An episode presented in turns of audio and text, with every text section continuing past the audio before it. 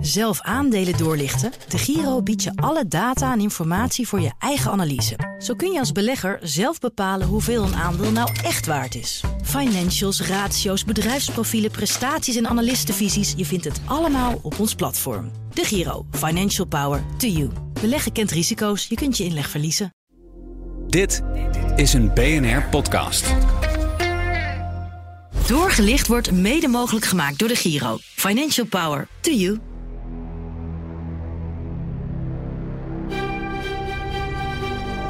Want to thank every Amazon employee and every Amazon customer because you guys paid for all of this. First, their tax affairs came under scrutiny. Now it's Amazon's working conditions. Our vision was very modest compared to what has actually happened, and I am the most surprised person on this planet. The. Federal Trade Commission and 17 states launching a landmark lawsuit against America's largest e-commerce company, Amazon.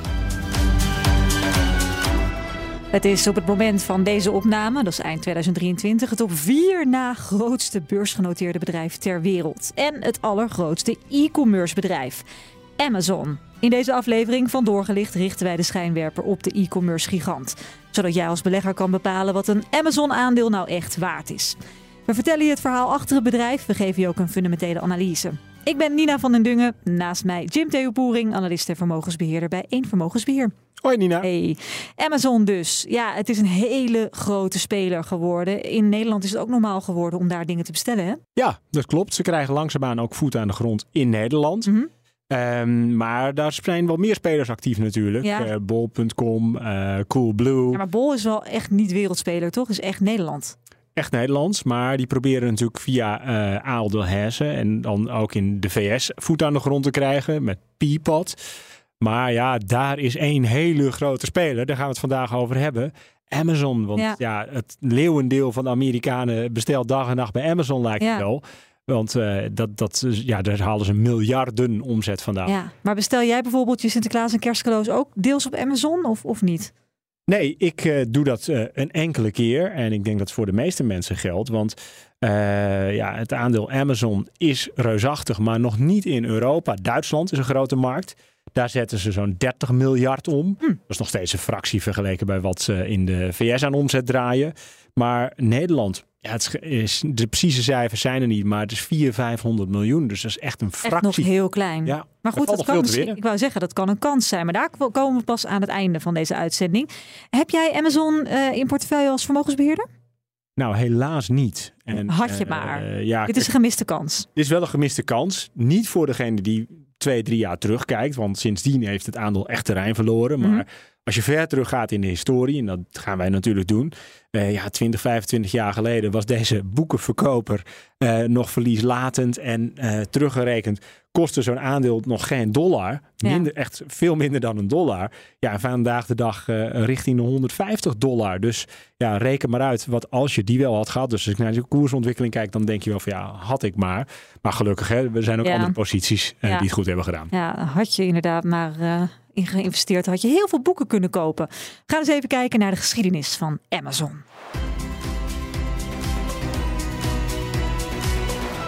Ja, en die geschiedenis begint natuurlijk met een man die wij allemaal eh, kennen inmiddels, Jeff Bezos. En eh, hier is hij echt nog piepjong.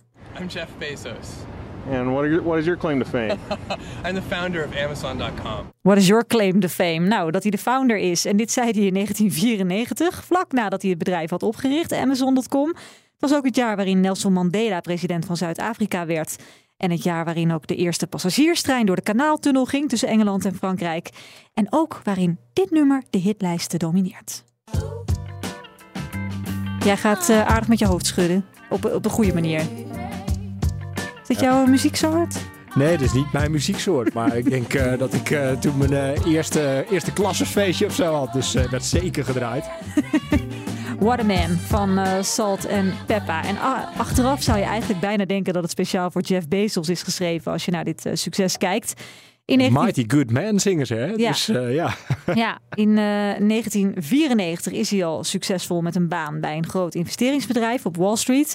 Maar dan weet hij dan al dat hij daar absoluut niet eh, voor eeuwig wil blijven werken. Bezos heeft namelijk ergens gelezen dat de groei van e-commerce jaarlijks met 2300% kan gaan toenemen als de ontwikkelingen zo doorgaan. Dat is genoeg reden voor hem om ontslag te nemen en zijn eigen bedrijf te starten. En dat heet Cadabra Inc. Ja, Cadabra. Niet Amazon dus. Die naam krijgt het bedrijf maanden later pas. Weet je waarom? Nou, vertel. Een advocaat uh, die uh, verstond cadaver, kadaver in plaats van cadabra. Dus niet echt smakelijk en aantrekkelijk, uh, realiseert Bezos zich dan. En dan gaat hij het woordenboek in, want hij was gek op boeken. En dan komt hij uit op Amazon en dat vindt hij een leuke naam. Nou, en bij de start van het bedrijf stelt Bezos een lijstje op met 20 producten waarvan hij denkt dat ze goed op internet zullen verkopen. En inderdaad, één daarvan is eigenlijk heel erg opvallend, want dat is dus boeken. Waarom zou je die op het nieuwe opkomende internet online willen kopen, Jim? Ja, toen was de tijd gewoon anders, hè? 30 jaar terug. Toen was het niet zo dat je uh, e-readers had of op internet maar alles lag. Sterker nog, bijna niemand had internet. Nee, als je uh, s'avonds op de bank zat, dan deed je het niet met een telefoon, een iPad of een laptopje. Nee, dan las je gewoon een boek. Eigenlijk fantastisch ja, natuurlijk. Of je keek tv. Uh, of je keek tv, ja. maar hè, degene die iets meer verdieping zocht, die keek niet naar te land, te zee en in de lucht, maar die las bijvoorbeeld een, uh, een roman van Harry Mulisch. Mm -hmm. Nou, dus de vraag naar boeken in die tijd, die was echt gigantisch. Nou, boeken die waren ook uh, nou ja, relatief goedkoop. Hè. Veel mensen waren toen zelfs lid van de ECI. Misschien jouw niks. ouders ook wel. Nou, dat is een boekenclub. Dan kreeg Oh. je elke drie of twee of drie maanden een folder. En dan kon je dan boeken uitbestellen. Ja. Nou, overigens begon bol.com initieel ook met de verkoop van boeken. Dus er was gewoon heel veel vraag naar boeken. Ja, maar er waren toch heel veel uh, fysieke winkels waar je boeken kon Ja, kopen. Waarom zouden mensen die dan online gaan bestellen?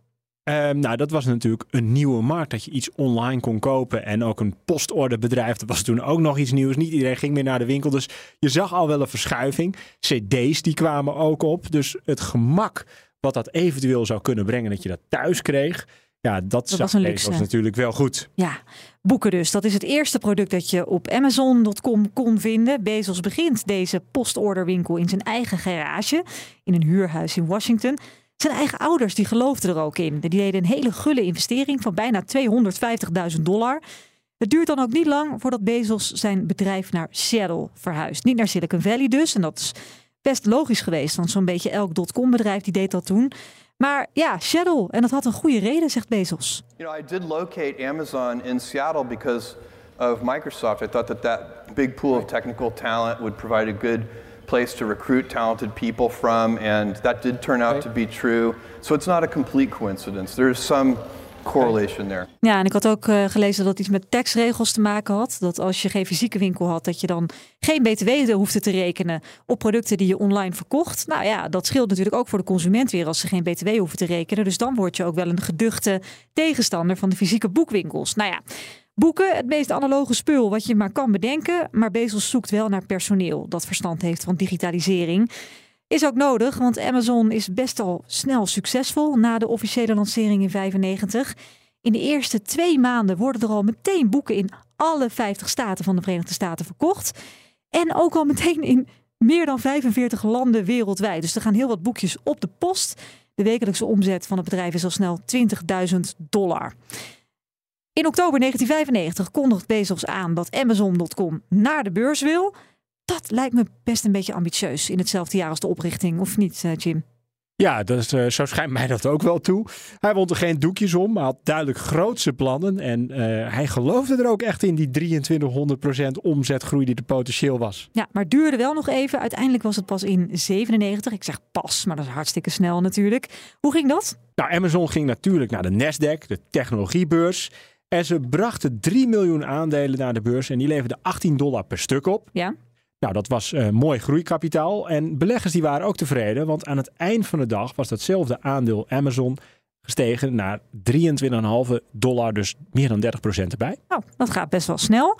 Goede positieve reactie dus, vooral als je kijkt ook naar de resultaten van het eerste kwartaal van 1997. Want Amazon boekte toen nog verlies, 3 miljoen.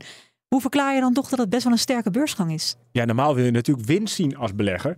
Maar wat we de afgelopen jaren natuurlijk ook hebben gezien uh, in de economie, is dat het draaide om groei, groei, nieuwe klanten en winst kwam later wel. Ja. Zo was dat in die tijd ook, want ze groeiden heel hard in klanten. Je zag ook de omzet heel hard groeien.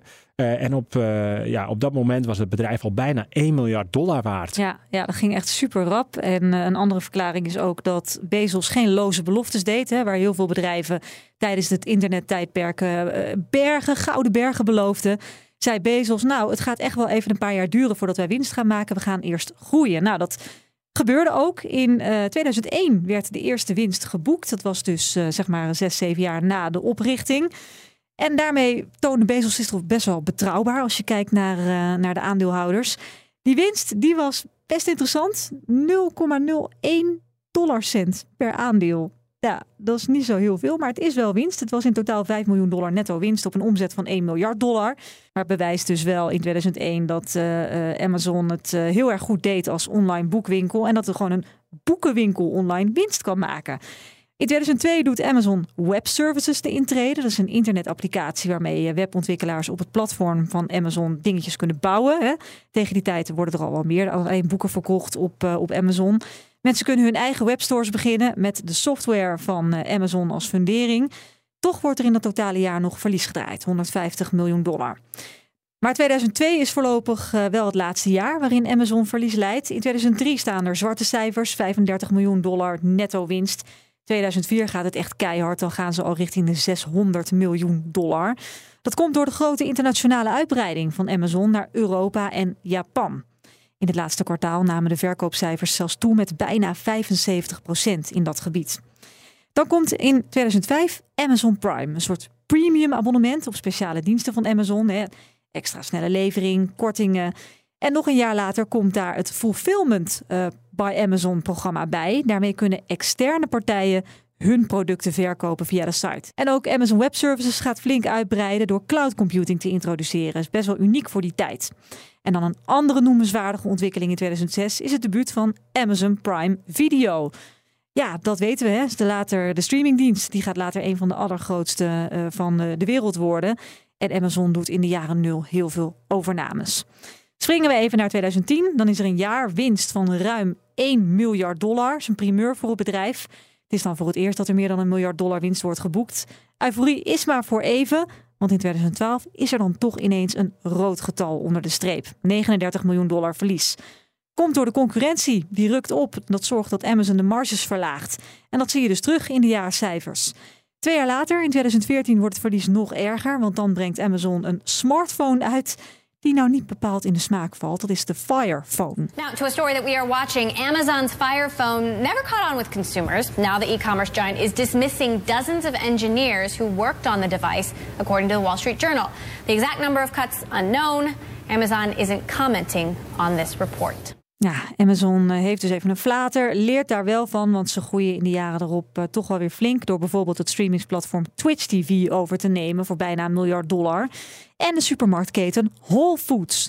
Tegelijkertijd wordt er ook gekeken waar kunnen we nou kosten besparen. Nou, dat, uh, dat werpt ook wel zijn vruchten af, want in 2018 staat er weer een winst van 10 miljard dollar onder de streep.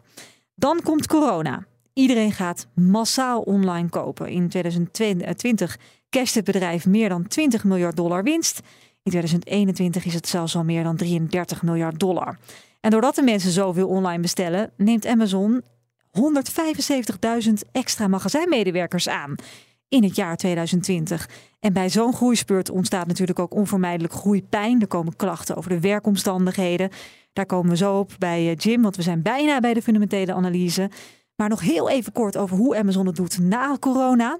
Yeah, Amazon shares are plunging 10%. They're coming back a little bit though. A net loss of 3.8 billion dollars. The street was expecting a gain. Ja, als de lockdowns worden opgeheven en de mensen weer naar buiten mogen, dan zie je dat terug in de cijfers van Amazon. Flinke duikvlucht. Naast het feit dat mensen minder uitgeven, doen ze ook een hele slechte investering in automaker Rivian. Het bedrijf zit met duizenden personeelsleden te veel. Die zijn eigenlijk niet meer nodig door alle afgenomen vraag. En alles bij elkaar levert dat een enorm netto verlies op van bijna 3 miljard dollar. En Amazon is ook nog eens in allerlei rechtszaken verwikkeld, omdat het bedrijf mogelijk misbruik maakt van de monopoliepositie. Op dit moment zijn er grote ontslagrondes gaande bij Amazon en boekt het bedrijf wel weer voorzichtig winst. Wat betekent dat voor een aandeel Amazon? Wat is dat nou echt waard? Dat horen we natuurlijk van Jim. De SWOT-analyse, de strengths, de weaknesses, de opportunities en de threats. We moeten nog wel eventjes een disclaimer geven. Ja, wij geven namelijk geen advies. Wij geven een stukje duiding over het bedrijf, over de cijfers. En dat zijn goede handvaten voor de belegger om zelf een beslissing mee te maken. En natuurlijk is het ook weer zo dat die fantastische koers van Amazon en die ontwikkeling geen enkele garantie voor de toekomst, die behaalde resultaten. En beleggen brengt risico's met zich mee. Nou, dan gaan we eens even naar de sterke punten van Amazon. Ja, dat gaan we doen. En uh, ik heb uh, eerder wel eens uitzendingen gehad waar ik het lastig vond om uh, tot hele sterke punten te komen, maar niet voor Amazon. Want eigenlijk kun je wel door blijven gaan. Het is natuurlijk een van de grootste bedrijven ter wereld. Het sterke punt van Amazon is natuurlijk dat ze hele uh, sterke segmenten hebben. Ze hebben drie belangrijke segmenten. Dat zijn natuurlijk uh, Amazon Marketplace, dus eigenlijk gewoon ja, de online webshop zou je kunnen zeggen. Mhm. Mm -hmm. Amazon Web Services, dus de AWS noemen ze dat. De clouddiensten. De cloud, clouddiensten. Ja. En daarbovenop Amazon Prime. De video. Dus ze weten eigenlijk alles ook van jou als consument. En kunnen wat jou je kijkt, wat je wil kopen. Precies. Waar je naar surft. Wanneer je het zou willen kopen, wanneer Ja. het voor jou opportun is, wat je eventueel zou willen betalen. Amazon weet alles van jou. Dus ja, daarmee kunnen ze niet alleen fantastische klantenservice bieden, maar vooral ook heel veel omzet uit jou trekken. En dat is natuurlijk wel wat je als belegger wilt. Hoe eh, ja, misschien discutabel het ook is als het gaat over hè, Data, eh, ja. privacy. Die is er niet bij Amazon. Nee. Dat was niet voor ons. Nee. Maar goed, als belegger een heel sterk punt en voor het bedrijf ook. Nou, daarnaast, Amazon biedt een uh, heel breed scala aan producten aan. Eerder waren het natuurlijk alleen maar de boeken, maar tegenwoordig elektronische apparaten, uh, kleding, uh, nou ja, met, met Prime ook nog videodiensten, muziek. Dus eigenlijk overal kunnen ze de consument wel bedienen. Het is echt een, een retailbedrijf. Ik geloof dat ze 4 miljoen verschillende producten aanbieden. Dus breed scala aan producten. Ja. En hoe komen die bij jou thuis? Dankzij een superieur logistiek systeem. Op het moment dat jij nu bestelt, weet je eigenlijk al dat je het morgen gewoon in huis hebt. Zijn ze daarvoor niet heel erg afhankelijk van, van de postorders? Of, of hebben ze zelf uh, nou, ze hebben natuurlijk uh, enorme distributiecentra waar alles uh, ja, op elektronische wijze direct op het moment dat jij aan het bestellen bent, is er bijna al een robot aan de gang om dat product, uh, die order te pikken en uiteindelijk bij jou te krijgen. Er komen ook heel veel mensenhanden nog uh, aan te pas. Dus Ja. misschien nog wel een verbeterpuntje ook. uh, Ja, een bedreiging. Als Ja. er bij zo'n postbedrijf wordt gestaakt, dan is Amazon de sjaak, toch? Ja, dat klopt inderdaad. Nou, als je het hebt over een ander sterk punt. De historie van Amazon, daarin zijn ze zeer innovatief en vooruitstrevend uh, gebleken. En als laatste punt, ze hebben een hele loyale en gebonden klantengroep. En dat is misschien wel loyaliteit die ongewenst is. Want je bent gewoon afhankelijk van Amazon. We hadden het er al over. Hè? Dankzij die vooruitstrevende technologie weten ze jou als klant uh, uh, te binden met fantastische data analytics. En Ja. Ja, dat, uh, ik, ik ben er ook heel enthousiast over. Even los van het aandeel. Gewoon puur het bedrijf, hoe het zich heeft ontwikkeld. Gebruik gemaakt van technologie. En eigenlijk ja, de consument weet in te pakken. Ja. Want het is wel echt een retailbedrijf. Hè? Het is echt, uh, ja, business to business is het bijna niet. Nee, Allemaal, allemaal eindklant. consument. Ja, B2C. Ja. En uh, kunnen we het nog hebben over de topman? Is dat een sterk punt? Jeff Bezos, zit hij nog aan het roer? Nou, ik ben er altijd een groot voorstander van. Als de oprichter uh, zelf betrokken is bij de operatie, dat is Bezos, en een groot belang in het bedrijf ook heeft. Dus ja, Dat heeft ik hij vind ook. dat echt een plus. Ja, Ja. dus hij zit er nog. Een van de en, rijkste eh, mensen ter wereld. Ja, precies. En hij zit er nog en hij heeft inderdaad nog steeds wel skin in de game. Ja. Uh, de zwaktes, we Als hadden hij het niet net was al. uh, gescheiden, was hij nog veel rijker. Maar Ja, hij had een beetje een midlife uh, ja, crisis, klopt inderdaad. Ik geloof dat uh, de duurste scheiding ooit is. Ja, ja en hij heeft een veel jongere vriendin. Ja, dat gebeurt dan. Uh, we hadden het net al over uh, extra personeel. Als we het hebben over uh, zwaktes. Er zijn grote ontslagrondes aan de gang. Ze hadden zich een beetje verkeken op hoeveel mensen ze nodig hadden. Ja, en dat uh, is ook direct een mooi bruggetje naar die zwakte. Want het is niet alleen het feit dat ze die mensen moeten ontslaan, maar vooral ook de slechte werkomstandigheden voor die werknemers die zijn gebleken. Onderbetaald, hmm. lange uren, uh, in veel te warme uh, ruimtes. Dus de dus, ESG-rating is heel laag. Ja, die is laag. En ja, Amazon is ook meermaals al uh, in het nieuws gekomen vanwege die slechte werkomstandigheden. Nou, hè, op een schaal van 0 tot 100 uh, krijgt het een ESG-rating van 40. Dus een 4. Hm. Ja, dat, ja. Uh, nou ja, ruimte voor verbetering. Ja. Dan kun je ook nog kijken naar concurrentie, zwakke punten. Dat is niet zozeer voor die marketplaces die ze hebben, maar als je het hebt over Amazon Prime. Je hebt natuurlijk wel daar concurrentie van bijvoorbeeld Disney of Netflix. Ja. Nou, daarnaast heb je ook nog een uh, stukje afhankelijkheid van derden. We hadden het al over die marketplaces. Andere partijen kunnen op het platform van Amazon hun producten verkopen. Ja. Nou, dan heb je niet volledig onder controle wat de kwaliteit van die producten is, of ze tijdig geleverd worden. Dus ja, dat kan zorgen voor een slechte customer experience. Ja, maar aan de andere kant zetten ze daardoor nog meer om, want ze kunnen nog meer producten aanbieden. Ja, ja, Dus het, is, ja. het is een sterkte, maar gelijktijdig een zwakte. zwakte. Oké, gaan we even naar de kansen. Nou, waar ligt de, de grootste kans? Uh, vooral in Europa, opkomende markten, Azië. Want op dit moment is 70% van de omzet van Amazon die is uh, de VS. Mhm. Mm -hmm. Dus in de VS is de grote gevestigde naam. Want er ligt nog een grote markt aan de voeten van Amazon. Ze hebben in Duitsland voeten aan de grond. Ja, en dat is natuurlijk fantastisch om vanuit daar verder te groeien in Europa. Mm -hmm. Azië, ja, als ze daar terrein winnen, dan gaat het waarschijnlijk ten koste van Alibaba. Ja. Um, ja, goed, als je het hebt over waar liggen dan nog kansen. Uh, Amazon heeft bijvoorbeeld een dochter die virtuele gezondheidszorg uh, levert. Amazon Clinics heet dat. Ja. Die hebben ze nu, uh, in 2022 is dat geïntroduceerd. Ja, als ze ook dat weer onder het voetlicht van hun bestaande klanten brengen.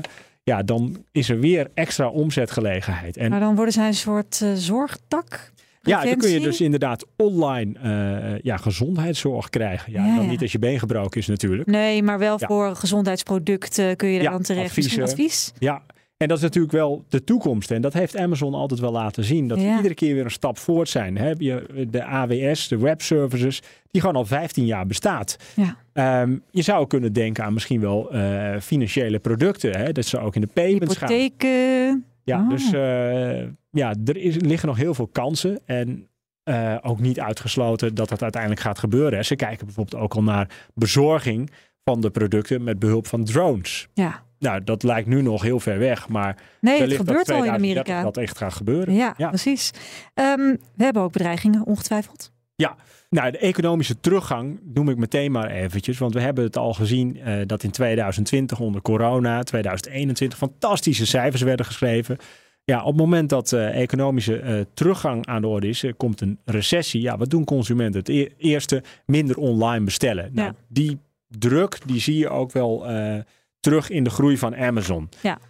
Ander punt is dat er steeds meer nepproducten ook worden verkocht door die third-party sellers op het platform van eh, Amazon. Dus Mm. ja, namaak handelswaar, eh, dat is natuurlijk wel, eh, ja, het is verboden. Als dat via jouw platform wordt verkocht, dat Ben je is wel, juridisch aansprakelijk ook. ja, dus dat is wel echt een risico. Ja. Dan heb je nog wel misschien ja, de invloed die overheden willen hebben op een partij die steeds groter wordt. En als je het hebt over de, bijvoorbeeld het Amazon Clinics. Nou, dat was maar in de helft van de staten mocht dat aangeboden worden. Dus, Oh, ja. hè, dus de overheid kijkt wel heel kritisch ook naar Amazon. Ja, en eh, die rechtszaken over die monopoliepositie, kan me ook voorstellen dat dat nog een bedreiging is. Nou, ik heb hem hier staan. eh, de eh, ja, marktmisbruik en de monopoliepositie. Maar ja, als belegger wil je heel graag een monopolist hebben. Want die maakt de markt, die kan de prijzen bepalen.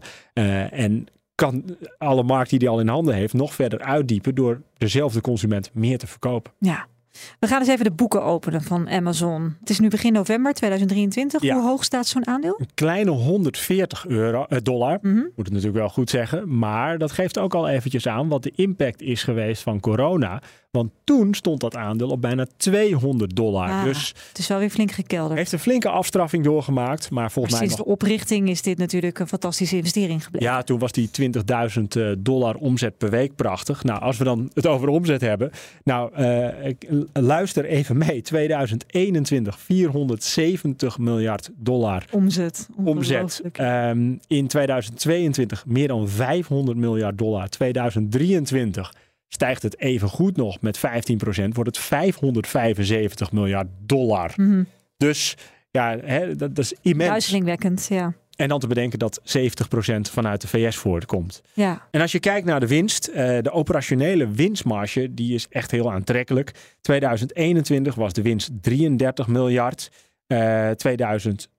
23 zal die ietsje lager liggen, een kleine 30 miljard. Dus er is wel sprake van winstdaling. Mhm. Maar je noemde hem net al, het geeft ook een beetje de kwetsbaarheid van Amazon aan. In 2022, toen daalde dat aandeel ook hard, toen werd er een verlies geschreven. Ja. Nou, hoe kwam dat met name? Niet omdat de omzet daalde, maar eh, ze, eh, ze doen heel veel om ook mee te gaan in de toekomst. En ja. hadden inderdaad een deelneming genomen in eh, Rivian, die, die, autobouwer. autobouwer. Nou, schrik niet. Eh 20% is in handen van eh, Amazon. Op een gegeven moment was dat bedrijf 100 miljard op de beurs waard. ja. En Amazon had dus 20 miljard waarde in handen. Nou, Mhm. wat gebeurde met die koers van eh, Rivian? Volgens mij ging er 90% vanaf. Ja. Dus Amazon die verloor bijna 20 miljard alleen al op dat eh, aandelenbelang. En daardoor schreef het bedrijf dus rode cijfers. Ja. Dus, Het heeft ja, een hele duidelijke, eenmalige oorzaak eigenlijk. ja, ja, dus het was niet zozeer dat ze op de operatie geen winst maakten. Het was echt ja, dat aandeel Rivian wat, eh, wat, wat hun eh, pijn deed. Ja, een flop. Ja. En dan, andere cijfers. Ehm, nou ja, het- als je het hebt over de vrije kaststroom bijvoorbeeld. eh 2021, 2022 was dat negatief. Eh, maar dat kwam door alle investeringen eh, die, eh, die Amazon deed. Dus ja, dat vind je als belegger niet fijn. Want als je een vrije kaststroom hebt die positief is, kan een makkelijker dividend worden uitgekeerd. Toch is er wel degelijk sprake van winstgevendheid. Nou, kijken we naar 2023, dan kom je uit op waarschijnlijk 2,5 dollar per aandeel. Nou, we Ja. hadden het er al eventjes over. Het is nu nog geen 150 dollar. En dan voel je al een beetje aan van, goh, ik betaal dus wel een stevige prijs voor die aandelen. Want Ja. ja, 2,5 dollar. eh 150 dollar bijna is de koers. Dus je betaalt gewoon 60 keer de winst. Ietsje minder op dit moment. Dat is echt heel veel. Ja, en dat Ja. is veel. En dat mag ook op het moment dat er nog heel veel groei in het verschiet ligt. Ander punt is, wat dat nog enigszins rechtvaardigd is ook, is dat eh, Amazon geen schuld heeft. Mhm. Dus eh, ze hebben een netto kaspositie van een eh, kleine, nou, een goede, goede 40 miljard. Oké, dus er is nog heel veel investeringsmogelijkheden. Exact. Maar ook de mogelijkheid om eh, dividend uit te keren. Maar doen ze dat nu? Keren ze dividend Nee. uit? Helemaal niet. Nee, en dat is dus wel een puntje waarvan ik denk van, goh, als aandeelhouder wil je natuurlijk graag ook beloond worden voor je investering, Ja. voor het risico dat je gedragen hebt. Niet alleen maar in koerswinst, je wil ook een stukje dividend zien. Maar dividend is voor Amerikaanse beleggers vaak wat minder belangrijk. En ook Amerikaanse bedrijven die keren vaak geen dividend uit. Nou, daar hoort dus ook Amazon bij. En eh, ja, als belegger vind ik dat wel een nadeeltje. Eh, aan de andere kant, er staan ook heel veel voordelen tegenover. Als je kijkt naar de koersgroei, de omzetgroei, de innovaties die er zijn. Ja. Dus ja, hè, het dividend Je is, het is een minpuntje. Ja. En de hoge prijs die je betaalt voor het aandeel, ja, is ook een minpuntje. Maar dat is altijd zo geweest. En uiteindelijk heeft Bezos ook altijd geleverd. Ja. Ik wil nog even op de concurrentie inzoomen. Want ja, je hebt daar gewoon een aantal hele grote spelers. Ja. Waar Amazon wel degelijk last van kan hebben. Hè? Alibaba, die natuurlijk veel meer goedkope spullen, goedkope spullen aanbiedt.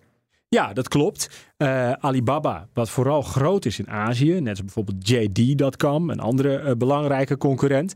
Amazon is alleen wel vele malen groter nog als je bijvoorbeeld kijkt eh, naar de omzet van Alibaba. Nou, die was 11, 12 miljard. Amazon die zet meer dan 500 miljard om. Ja. JD.com heeft een omzet van nou, een dikke 100 miljard. Dus ook maar een fractie van Amazon. Als je gaat kijken naar de waardering, ja, dan is Amazon wel een stuk duurder dan bijvoorbeeld Alibaba. Hebben we eerder besproken. Maar ja, daarvan zeiden we natuurlijk ook wel van ja, de overheidsbemoeienis in China Is is, nog vele malen Ja. groter. Dus misschien ook wel eh, terecht. Ja. Als Je je kan je gewoon terugluisteren, hè, die Alibaba-aflevering. Dus Ja, dan hoor je zeker. daar eh, of dat Ja. een interessante investering is, mogelijk. Nou, vooral ook doen, want als je overweegt om Amazon te kopen, dan zou eh, Alibaba een goed alternatief kunnen zijn. Dat lijkt goedkoper, dat is ook goedkoper, maar de groei die Amazon heeft doorgemaakt is nog een stukje eh, ja, indrukwekkender. Ja, precies. Ze zijn vele malen groter. Kun je zeggen dat eigenlijk Amazon tot nog toe alle andere spelers gewoon wegblaast?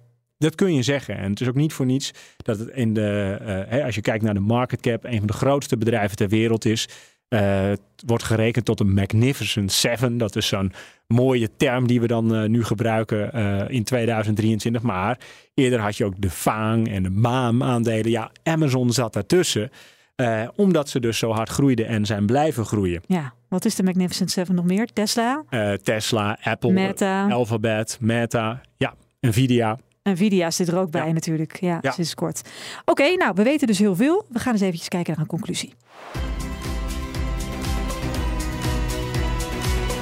Jim, hoe vat jij een aandeel Amazon nu samen? Nou, ik denk als je wil beleggen in e-commerce, in een bedrijf dat nog heel veel groeipotentie heeft en eh, ja, zeer actief is op het vlak van innovatie, dan zou ik kiezen voor de allergrootste en de beste. Dan is Amazon de logische keuze. Maar één ding moet je niet vergeten. Ja, je moet wel bereid zijn om een hoge prijs te betalen voor die aandelen. Want als je kijkt naar de ratio's, Goedkoop is het niet, maar dat was het 20 jaar geleden ook niet. En toch is die koers hard op. Maar dan is het dus echt iets voor, ja, in principe wel lange termijn uh, beleggingen. Ja, absoluut. Uh, we hebben meerdere aandelen ook besproken die nogal uh, onderhevig waren aan schommelingen.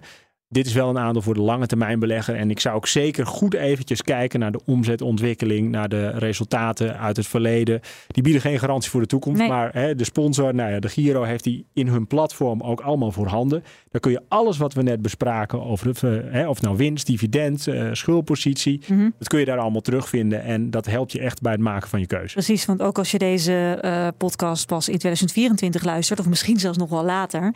Dan heb je in elk geval een beeld van hoe het bedrijf zich heeft ontwikkeld en waar het stond eind 2023. Dus altijd goed je eigen huiswerk doen om te kijken wat is er gebeurd en wat uh, biedt het uh, aandeel nog voor potentieel. Absoluut. Dank voor het luisteren naar Doorgelicht. Dit was uh, Amazon. In het volgende deel gaan wij een heel andere bedrijf doorlichten. Dat is namelijk Besi. Berlin, wat waar stond het ook alweer voor? Berlin Electro Semiconductor Industries. Nou, Kijk eens even, sinds 1995. Ja, uh, Jim gaat je helemaal uitleggen wat het bedrijf nou precies is. Maar je kan in elk geval denken chipmachines. Ze kunnen echt wel in het rijtje bij ASML en ASMI. Zeg ik Absoluut. dat goed? Ja, toch? Ja. Nederlands trots.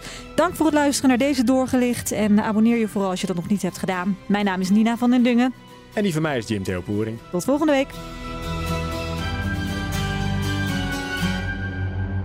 Doorgelicht wordt mede mogelijk gemaakt door de Giro. Financial Power to you.